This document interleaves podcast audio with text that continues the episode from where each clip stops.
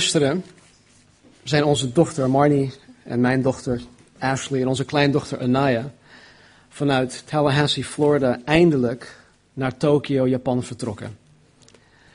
Ze zouden eigenlijk eind december samen met Byron gaan, maar wegens administratieve rompslomp binnen het uh, leger uh, kon dat niet, waardoor ze dus um, ja, nu pas konden vertrekken.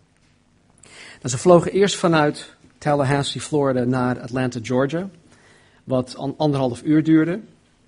En ja, anderhalf uur met een kleintje, dat is goed te doen, lijkt mij.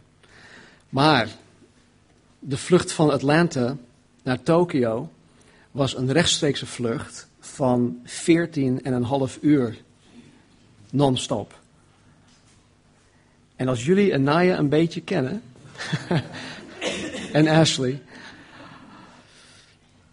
ja, we hadden voor gebeden en vandaag ook nog. Nou, als het goed is, zijn ze vanmorgen om 8 uur onze tijd in Tokio aangekomen. Dus uh, ja, 2,5 uur geleden. En weet je, dit, dit heeft me aan het, aan het denken gezet. Niet zozeer dat ja, mijn dochter, mijn kleindochter weg is, want daar heb ik al heel lang over nagedacht. Maar het heeft me aan iets anders uh, aan het denken gezet. De afstand die afgelegd werd door de Boeing 747 tussen Atlanta en Tokio is bijna 11.000 kilometer. 11.000 kilometer. Dit hebben ze in 14,5 uur gedaan. Met een gemiddelde snelheid van ruim 750 kilometer per uur. Als je, naast, als je nagaat, dat is een, een afstand van hier tot Tokio. Ja, letterlijk. letterlijk. Of van Atlanta naar Tokio, goed. Het is 11.000 kilometer, dat is heel, heel, heel, heel wat. De gemiddelde wandelsnelheid van de Nederlander is 5 km per uur. Als je met een snelheid van 5 km per uur gaat wandelen en je wandelt 14,5 uur achter elkaar door, dan kom je niet verder dan bijvoorbeeld Amersfoort of Driebergen. Dus om wandelend die 11.000 kilometer af te leggen, zou je 2200 uur moeten wandelen. 5 kilometer per uur. Dat is drie maanden lang, drie maanden lang, dag en nacht, achter elkaar doorlopen zonder te stoppen. Er wordt in de media, op de werkplaats, op school, wordt er steeds vaker gezegd dat de wereld steeds aan het, eh, kleiner aan het worden is. De wereld wordt steeds kleiner. Maar vanuit dit oogpunt, een wandelsnelheid van 5 km per uur, 11.000 kilometer, is de aarde gigantisch groot. Het is en het blijft gewoon groot. Toen ik klein was, toen ik nog hier in Nederland woonde, speelde ik wel eens in de zandbak. En ja, als kleine jongen ben je aan het graven, dan kom je na een centimeter of misschien 30, 40, toen we nog in Katwijk woonden, kom je water tegen. Al heel gauw. Nou, ik weet nog, mijn zus en ik, mijn zus is 2,5 jaar ouder, die, uh, we speelden wel eens met elkaar. Op goede dagen. En we gingen dan graven. En uh, dan hadden we wel eens zoiets van, ja, nou, als je blijft graven, dan kom je in China uit. Maar dat is eigenlijk dat is niet waar. Je komt op een hele andere plek uit, maar goed, dat is een ander verhaal. Maar als je bijvoorbeeld hier in Hoofddorp begint met graven. En je graaft een rechte lijn naar beneden, dwars door de aarde heen. Dan kom je ergens in de grote oceaan uit, uh, ten zuidwesten van Nieuw-Zeeland. Dus niet China. Nou, ik wil zeggen dat het veel vlugger gaat als je vliegt. Maar als je dit zou willen doen, dan moet je 12.750 kilometer graven. Want 12.750 kilometer is ongeveer de diameter of de doorsnee van de aarde. Oh, ik, uh, geef mij die, die basketbal even. Gooi maar. Oké, Aardbol. Dus als dit de aarde was, van hier naar de andere kant 12.750 kilometer. Dat is heel wat. Ehm, kortom, de aarde is gigantisch groot. Maakt niet uit wat de media ervan zegt. Ja, de wereld wordt kleiner, bla bla bla. De aarde is en blijft gigantisch groot. Maar ondanks dat de aarde heel groot is, is de aarde ook heel erg klein vergeleken met de zon. De aarde heeft een doorsnee van 12.750 kilometer. De zon heeft een doorsnee van 1.392.000 kilometer. Dit betekent dat de aarde 109 keer naast elkaar past in de zon. Dus als dit de zon was, zou je 109 aardbollen naast elkaar kunnen leggen of plaatsen om in de zon te passen. De zon is 109 keer zo breed als de zon. En stel dat de zon hol was. En je wil de zon opvullen met aardbollen. Dan zou je ongeveer 1.300.000 aardbollen in de zon kunnen plaatsen.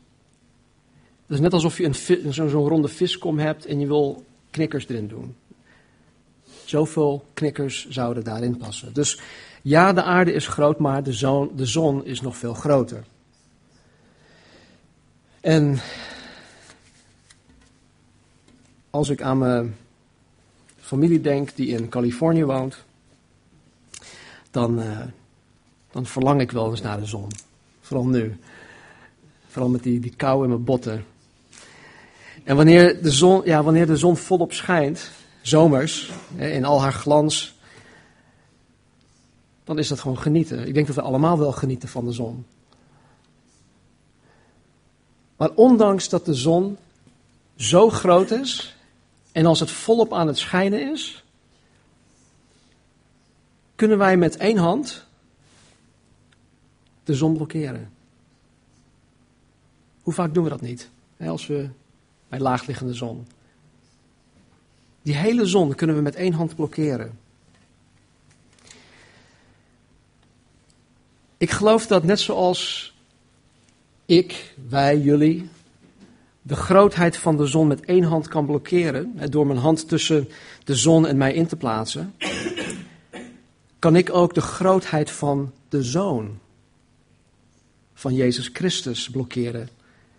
Door mijn problemen, door mijn moeilijkheden, door situaties, door toestanden tussen Jezus en mij in te plaatsen.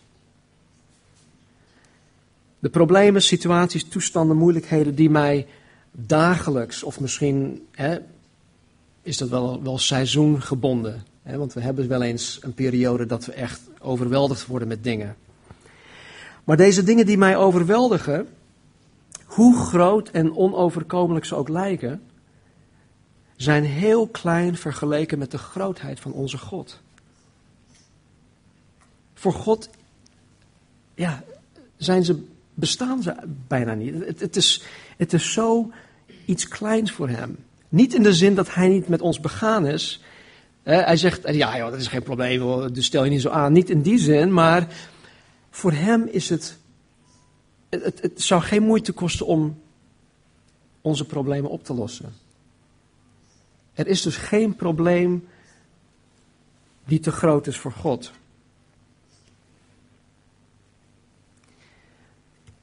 Maar toch vormen deze problemen bijna altijd een blokkade om de grootheid en de macht van onze God te zien. En onder andere daarom is het goed om het heilig avondmaal te vieren. Want we hebben altijd problemen. Het zij op je werk, het zij thuis, het zij op school, noem maar op, hier in de gemeente. We hebben altijd wel problemen, situaties, moeilijkheden.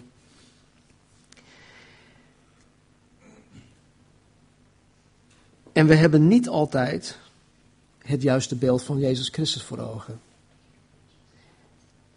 En daarom vind ik dat het goed is, onder andere om deze reden, om het heilige avondmaal te vieren. Nou, vanmorgen wil ik mezelf bemoedigen. Ik wil mezelf bemoedigen, ik wil jullie bemoedigen. Ik wil dat wij de grootheid van Jezus vanmorgen op ons netvlies krijgen. Dat we dat gaan zien. Of dat we dat weer gaan zien. Of dat we dat nog meer gaan zien. En ik wil dat wij onze problemen en dergelijke, die wij tussen Jezus en onszelf in hebben opgeworpen, neerhalen. Ik wil dat wij deze dingen vanmorgen opzij schuiven. En ik geloof dat we dit kunnen doen en dat we het vanmorgen ook gaan doen door het heilig avondmaal met elkaar te vieren. Want wanneer we het heilig avondmaal vieren, dan zullen we aan Jezus denken. Dan zullen we herinnerd worden aan wie Jezus is.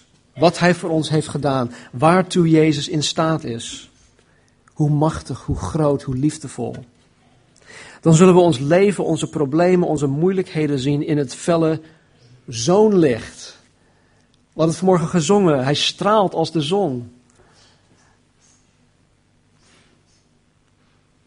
En dan zullen we moeten bekennen dat ze absoluut hè, onze problemen niet opwegen tegen de macht en tegen de grootheid en de liefde van onze God.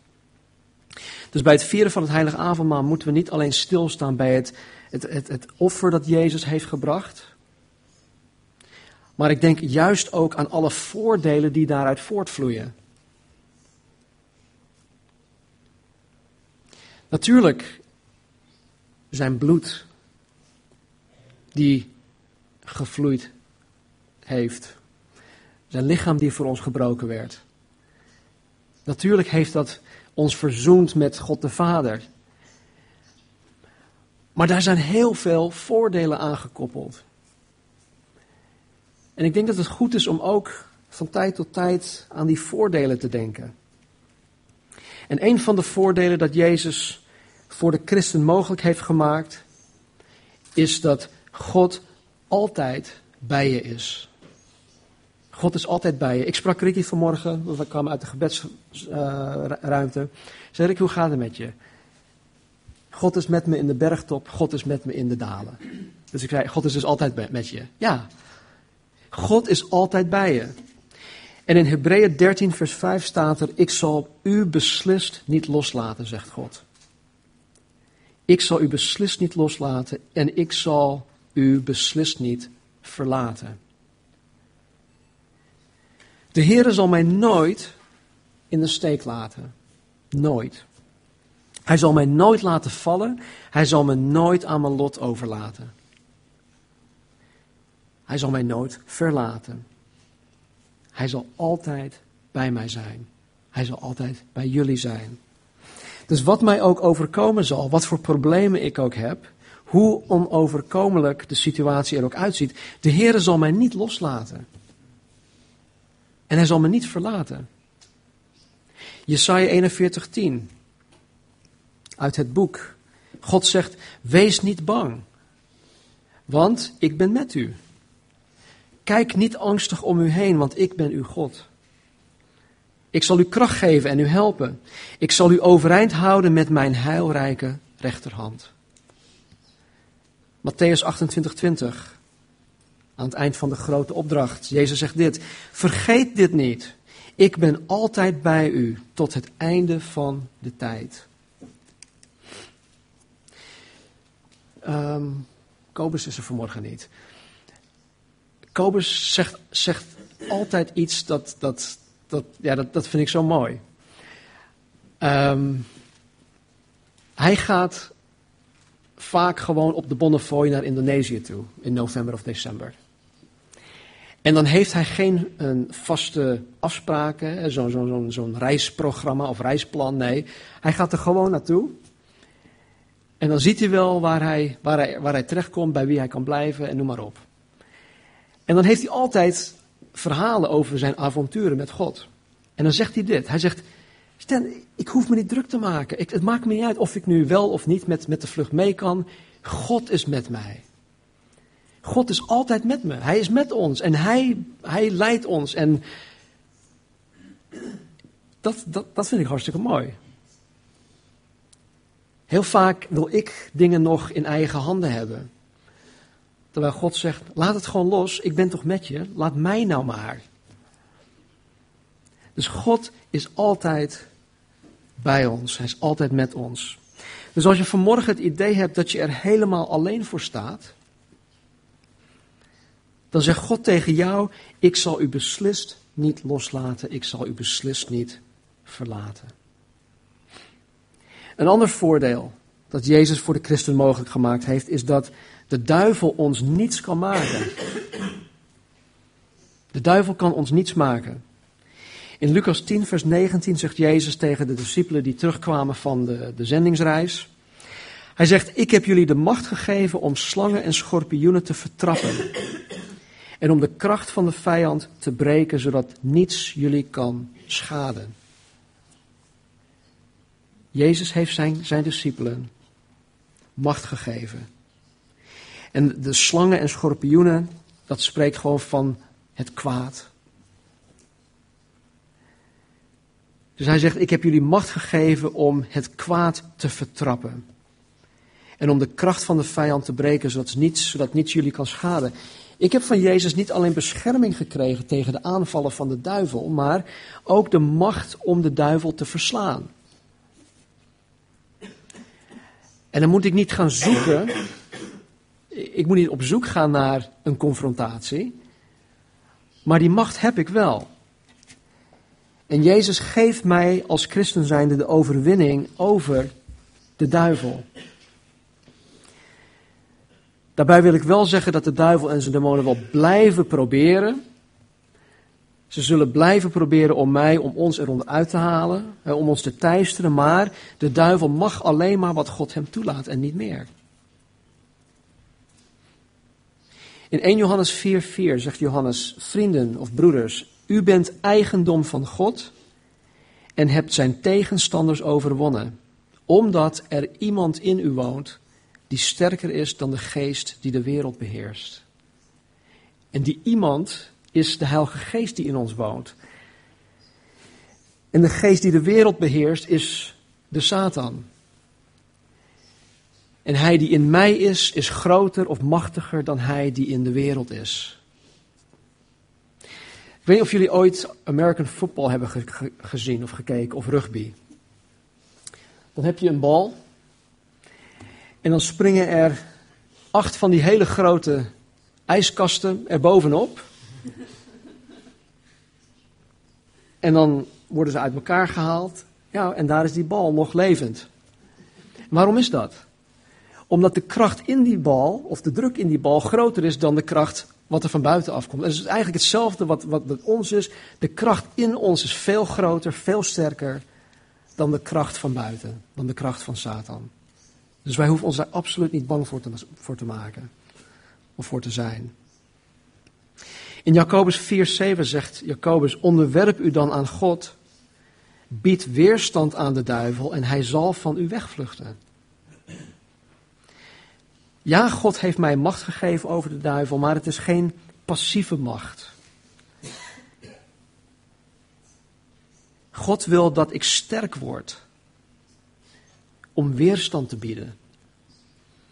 En als je weerstand wil bieden, of als je daarin sterker wil worden, dan moet je dat, dan moet je dat gaan oefenen. Dat betekent oefenen. Bied weerstand. Misschien heb je nog nooit weerstand geboden aan de duivel. Begin daar vandaag mee. Probeer het in de autoriteit en in de kracht van de Heilige Geest die jij als kind van God hebt gekregen. Bied weerstand. Dus als je vanmorgen het idee hebt dat de duivel je overmeestert, dan zegt God tegen jou: onderwerp u dan aan God, bied weerstand aan de duivel en hij zal van u wegvluchten. Nog een voordeel dat Jezus voor, voor de christenen mogelijk heeft gemaakt, is dat wij bij machten zijn, wij christenen, om elkaar lief te hebben zoals God ons lief heeft. Onvoorwaardelijk. In Johannes 13:34 in zijn afscheidsspeech zegt Jezus tot zijn discipelen: Dit is een nieuwe opdracht die ik u geef. Heb liefde voor elkaar. Heb voor elkaar net zoveel liefde als ik voor u heb. Onvoorwaardelijke liefde. Weet je, elk gebod Elke opdracht die God aan ons geeft is voor de mens onmogelijk om uit te voeren. Dat heeft de, de wet van Mozes bewezen. Ze konden het niet waarmaken. Dus elk gebod dat God de mens geeft, is onmogelijk om uit te voeren. Dan zou je moeten zeggen, ja, maar dat, dat is toch niet eerlijk dan? Dan, dan? dan ben je bij voorbaat al gedoemd te mislukken. Maar daarom, daarom heeft God ons de Heilige Geest gegeven om het wel uit te voeren, of het wel te kunnen uitvoeren. De Heilige Geest in ons geeft ons de kracht, geeft ons het vermogen, stelt ons in staat om zijn opdrachten, om zijn geboden uit te voeren. Om hem te gehoorzamen. En dus ook het liefhebben van elkaar zoals God ons lief heeft, is alleen mogelijk wanneer wij in de geest wandelen, wanneer wij vol zijn van de Heilige Geest. In Romeinen hoofdstuk 5 zegt Paulus dat God de Heilige Geest in onze harten heeft uitgestort. En het is vanuit ons hart dat wij elkaar lief hebben. Romeinen 12:10 zegt Paulus: Houd veel van elkaar als broeders en zusters en laat elkaar uw waardering blijken. In Galaten 5:13 Broeders, geeft, God heeft u niet de vrijheid gegeven om te misbruiken en uw eigen zin te doen, maar om elkaar te dienen in een geest van liefde. Efeze 4, 1 en 2. Paulus zegt, ik zit gevangen omdat ik de Here dien. En vraag u dringend te leven zoals past bij mensen die door de Here geroepen zijn. Wees nederig, vriendelijk, heb geduld met elkaar en verdraag elkaar vol liefde. Efeze 4, vers 32. Wees vriendelijk en liefdevol voor elkaar. Vergeef elkaar zoals God uw zonden heeft vergeven om wat Christus voor u deed. 1 Petrus 1, vers 22. Nu u aan de waarheid gehoor hebt gegeven, hè, nu u wedergeboren bent, bent u innerlijk gezuiverd en u kunt de broeders oprecht liefhebben. Oprecht. Paulus zegt ook in, in de Romeinen, de liefde is niet geveinsd. Dus we hoeven niet alsof, hè, net alsof we iemand lief hebben. Nee, oprecht lief hebben. Heb elkaar dan ook altijd van harte lief. In een andere vertaling staat er, heb elkaar vurig lief. Dat is geen passieve liefde, dat is een actieve liefde. Je moet lief hebben, je moet er iets voor doen. 1 Petrus 4, vers 8. En bovenal moet u elkaar blijven liefhebben, ofwel vurig liefhebben. De liefde bedekt immers heel veel zonde. En als laatste 1 Johannes 4, vers 7 en 8. Geliefde, laten wij elkaar liefhebben. Want de liefde is uit God. En ieder die lief heeft, is uit God geboren en kent God. Wie niet lief heeft, kent God niet, want God is liefde. Dat is een mooi lied. Dus als je vanmorgen een probleem hebt eh, of, met, met iemand, of als je moeite hebt met een broer of zus, of met wie dan ook, dan zegt God tegen jou: heb die persoon lief. Net zoveel als ik jou lief heb, onvoorwaardelijk. Ehm, ik las van de week een citaat. Ik weet niet meer van wie het was. Maar er stond, ik, ik weet niet meer precies hoe dat ging, maar het, het, de, de, de essentie daarvan was dat ehm, liefde het enige is dat een vijand kon winnen. Of iets dergelijks. Liefde is het enige dat een vijand kan winnen. Niet een vijand verslaan, nee, maar een vijand kan winnen.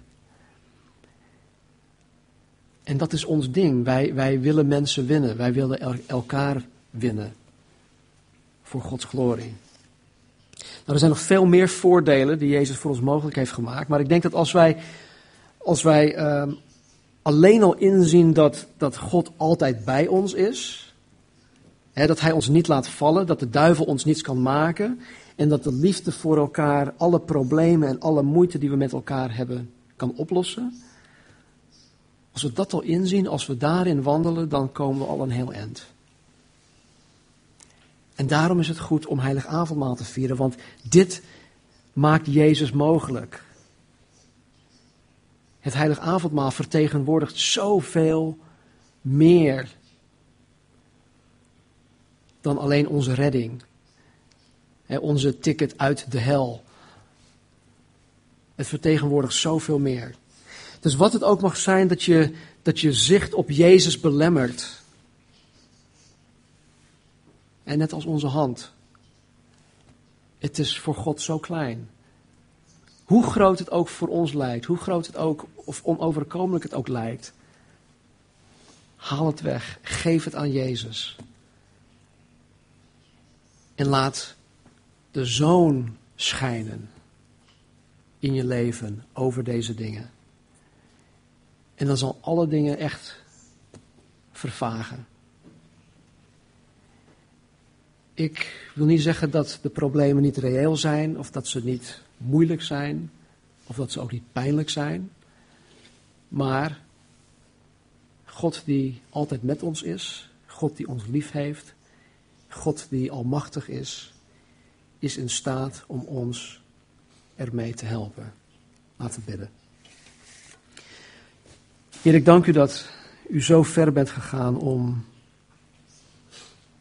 ons te redden, Vader. Heer, dat u uw eigen zoon gegeven heeft. En Jezus, dat u zo ver bent gegaan om de weg te gaan die ons de redding heeft gebracht. En Heer, niet alleen de redding uit de hel, maar Heer, er is zoveel meer. U heeft ons het leven gegeven. Leven en overvloed. U heeft ons geadopteerd. U heeft ons koninklijke burgers gemaakt, Heer, van, van het hemelrijk. Heer, we zijn zo ontzettend rijk. Heer, dank u dat u altijd met ons bent, Heer. Dat u ons nooit zal verlaten, dat u ons nooit in de steek zal laten, ons nooit zal laten vallen. En Heer, misschien denken we, ja, maar ik ben niet zo'n goede christen. Ik doe hele domme dingen. Ik ga telkens weer de fout in. God zei niet, ik ben altijd bij je of altijd met je, tenzij. Nee, God zei gewoon, ik ben altijd met je, ik ben altijd bij je. Ik zal je nooit laten vallen. Ondanks. En Heer, dank u dat u ons ook de macht gegeven heeft over de wereldgeest, over de Satan. En niet alleen, heren, dat wij um, vanuit een defensieve positie, heren, met de Satan omgaan, heer, maar dat wij ook, ook, dat wij ook vanuit een offensieve positie, heren, terrein mogen winnen. Heren, dat we mensen vrij mogen maken, heren, door gebed, door, door hun het, de waarheid te vertellen, door het evangelie te verkondigen. Heren, door handen op te leggen, heren, door de kracht die u ons geeft. En heren, dat wij de liefde, heren, van u hebben gekregen. U heeft uw liefde, uw geest in ons hart uitgestort. En heren, ik dank u zo dat, dat wij, heren, als uw kinderen eigenlijk de enige zijn hier op aarde, vader, die in staat worden gesteld door uw geest om elkaar onvoorwaardelijk lief te kunnen hebben. En ik dank u, Vader, voor de liefde die hier heerst. In ons, onder ons. Dus Heer, laten we met die gedachte, Vader, help ons om met die gedachte het heilig avondmaal ook te nuttigen. En Heer, help ons om ook te zien wie u bent, Jezus. Laat niets, Heer, ons zicht van u blokkeren. En Heer, laat ons de glans en de glorie van, van uw zoon zien. Dan zullen alle dingen vervagen in zijn aanwezigheid. Dus help ons, Heer. Geef ons kracht, geef ons inzicht tot uw wil, tot uw hart. Voor u, Heer, en voor elkaar.